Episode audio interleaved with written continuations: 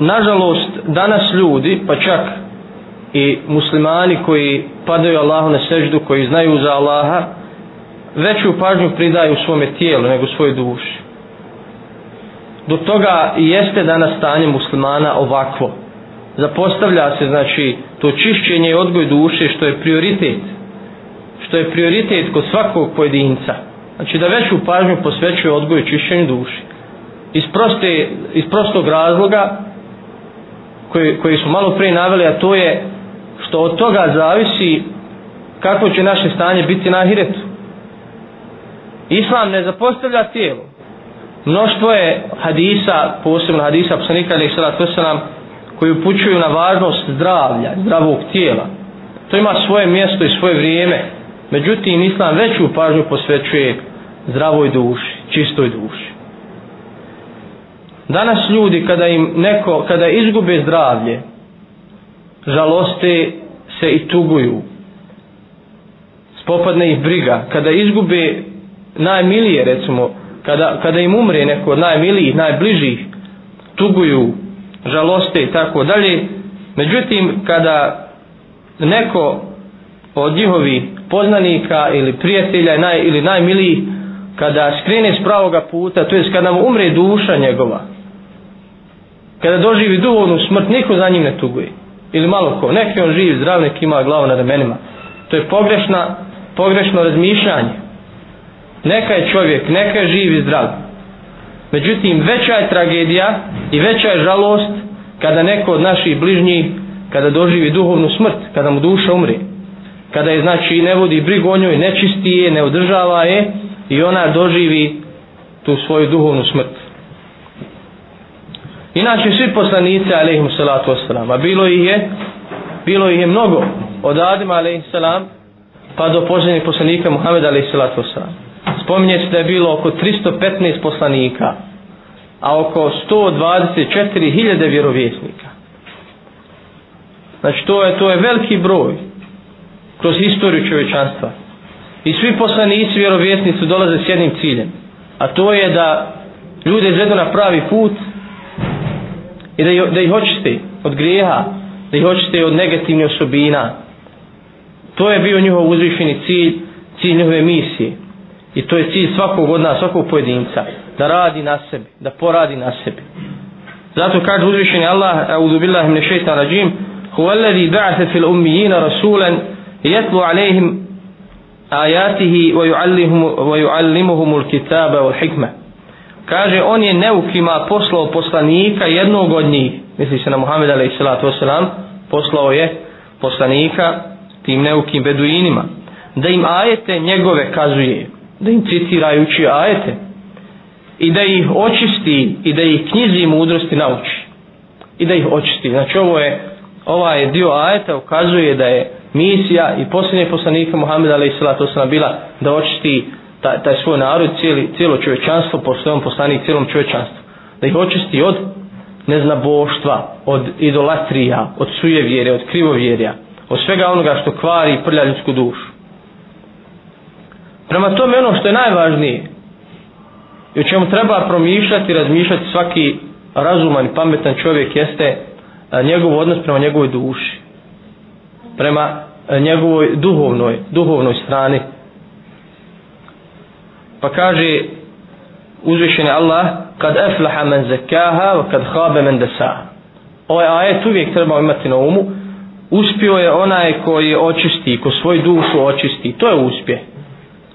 Uspio je onaj ko svoju dušu očisti. Ko je dovoljno očisti da je ne mora čistiti džehennemska vatra. Jer znamo da Allah na dunjalku daje čovjeku uputu. Daje različite načine i metode da čovjek očisti svoju dušu i čovjek je čisti ili nečisti. Pa onda Allah se smiluje čovjeku, pa ako nedovoljno čisti svoju dušu dobrim djelima, pokajanjem, Allah mu dadne neke nedaće iskušenja. A svaka nedaća vjernika čisti od grijeha, pa čak i trn, trna koga obode. Kao što stoji had isposa nikada ne isplatio. Svaka briga koja pogodi vjernika, svaka tuga, pa čak i trn koji ga obode, pa čak i uznemiravanja koja doživljava od drugih ljudi, svojih prijatelja, komšija, prolaznika, sve je to iskušenje koja, koje čisti čovjek. Tako to trebamo i doživljavati. Sve to čovjek je čisti. Međutim, ako čovjek zapostavi svoju dušu, pa ni ta iskušenja nisu dovoljna da očisti svoju dušu, Allah, a, prepuštene Allahove milosti na onome svijetu. I ako je ne uspio očistiti, Allah ga određeno vrijeme šalje u džehennemsku vatru. To ako mu je duša toliko prljava, odnosno ako ima više loši dijela, ako ima više griha nego dobrih dijela. I određeno vrijeme boravi u džehennemskoj vatri da se očiste ti grijezi. Da bi u potpunosti čist, duhovno čist ušao u džennet. E to je ono čega se trebamo svi čuvati da nas Allah sačuva džehennemske vatri. Jer čovjek, nažalost, danas ljudi kada čuju ovo, neka se ne smije oni spomenuti Pa ljudi misle ako uđu u džehennem neće nikad izići.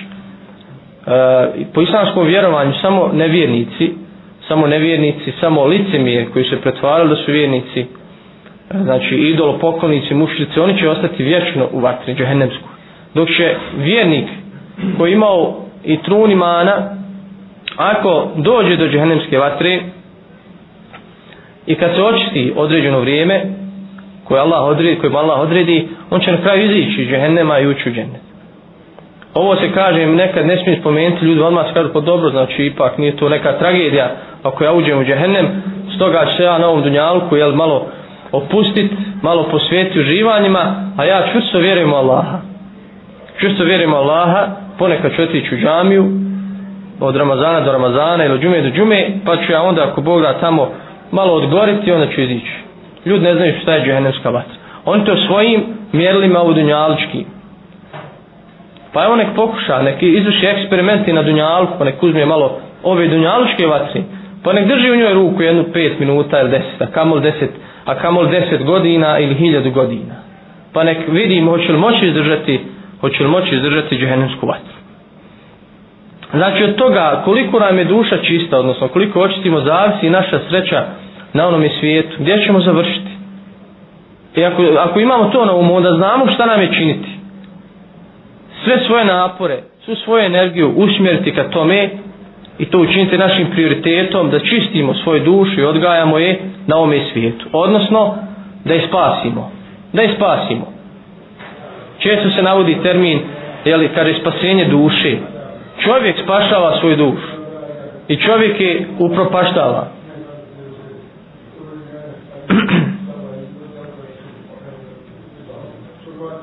Inače, uzvišeni Allah je stvorio čovjeka, stvorio njegovu dušu da je sklona i zlu i dobru. To jeste duša može da čini i zlo i dobro.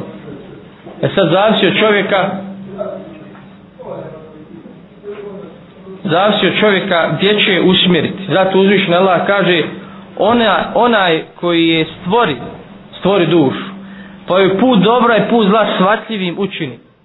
Znači, urođena je u nama, u nama je urođeni put dobra i put zla. Duša će prepoznati i put dobra i put zla. Sve zavisi kako je mi usmjerimo. Znači, spas je za one i spasenje duše je za one, za one koji shvatili ovaj cilj. Koji shvatili da je cilj očiti dušu i spasti. I koji shvatili, shvatili svrhu života. Oni su, znači, pravi bogataši. Oni imaju veliki kapital, neprocijenjiv. Makar nemali šta obuć, makar nemali šta pojest. Oni su pravi, pravi bogataši koji su shvatili svrhu života i cilj života. Jer oni, oni ovaj stvaraju svoj ulog i zalog na onom svijetu.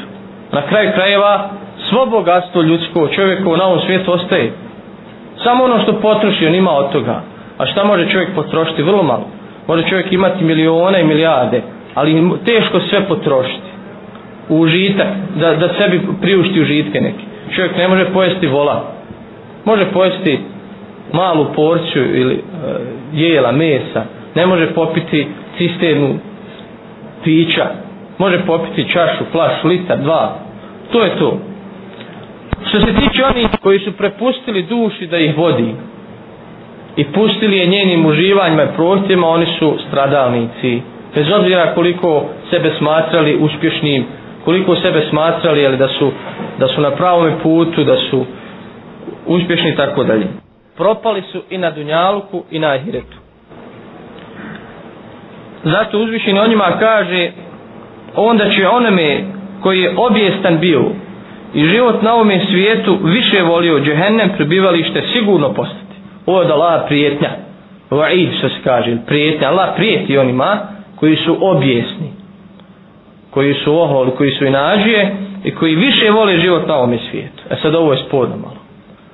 Sporno je jel, da mi malo sebe prispitajmo, vidimo da, kakvi smo mi po ovom pitanju, da li u istinu šta mi više volimo.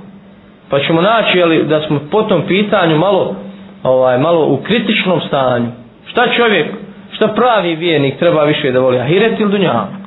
Ako kaže, jeste, ja volim ahiret, ako to izjavi, onda to treba potvrditi svojim dijelima, svojim stanjem. Ako više voli ahiret, neminovno je da će više raditi za ahiret, da će više spremati dijela za ahiret. Da će Dunjaluk koristiti samo kao polje, kao polje gdje će zasijati ovaj plod, a gdje će zasijati sjeme, a plod će naći na onom svijetu. Međutim, kod nas, kažem, kad govorim kod nas, mislim na ljude koji znaju za Allaha, često E, dođe u pitanje, znači ovo, da li uistinu više volimo onaj svijet ili ovaj. Jer posebno mi ovim vremenima, e, savremenim, modernim vremenima, kada, su, kada je mnoštvo izazova, kada, jeli, kada čovjek, kada ga mnoštvo toga dunjalka privlači, teško, je li onaj, možemo da nam ta ljubav prema hiretu bude iznad ljubav prema dunjalku. Ako to ne uspijemo, onda smo u velikoj opasnosti.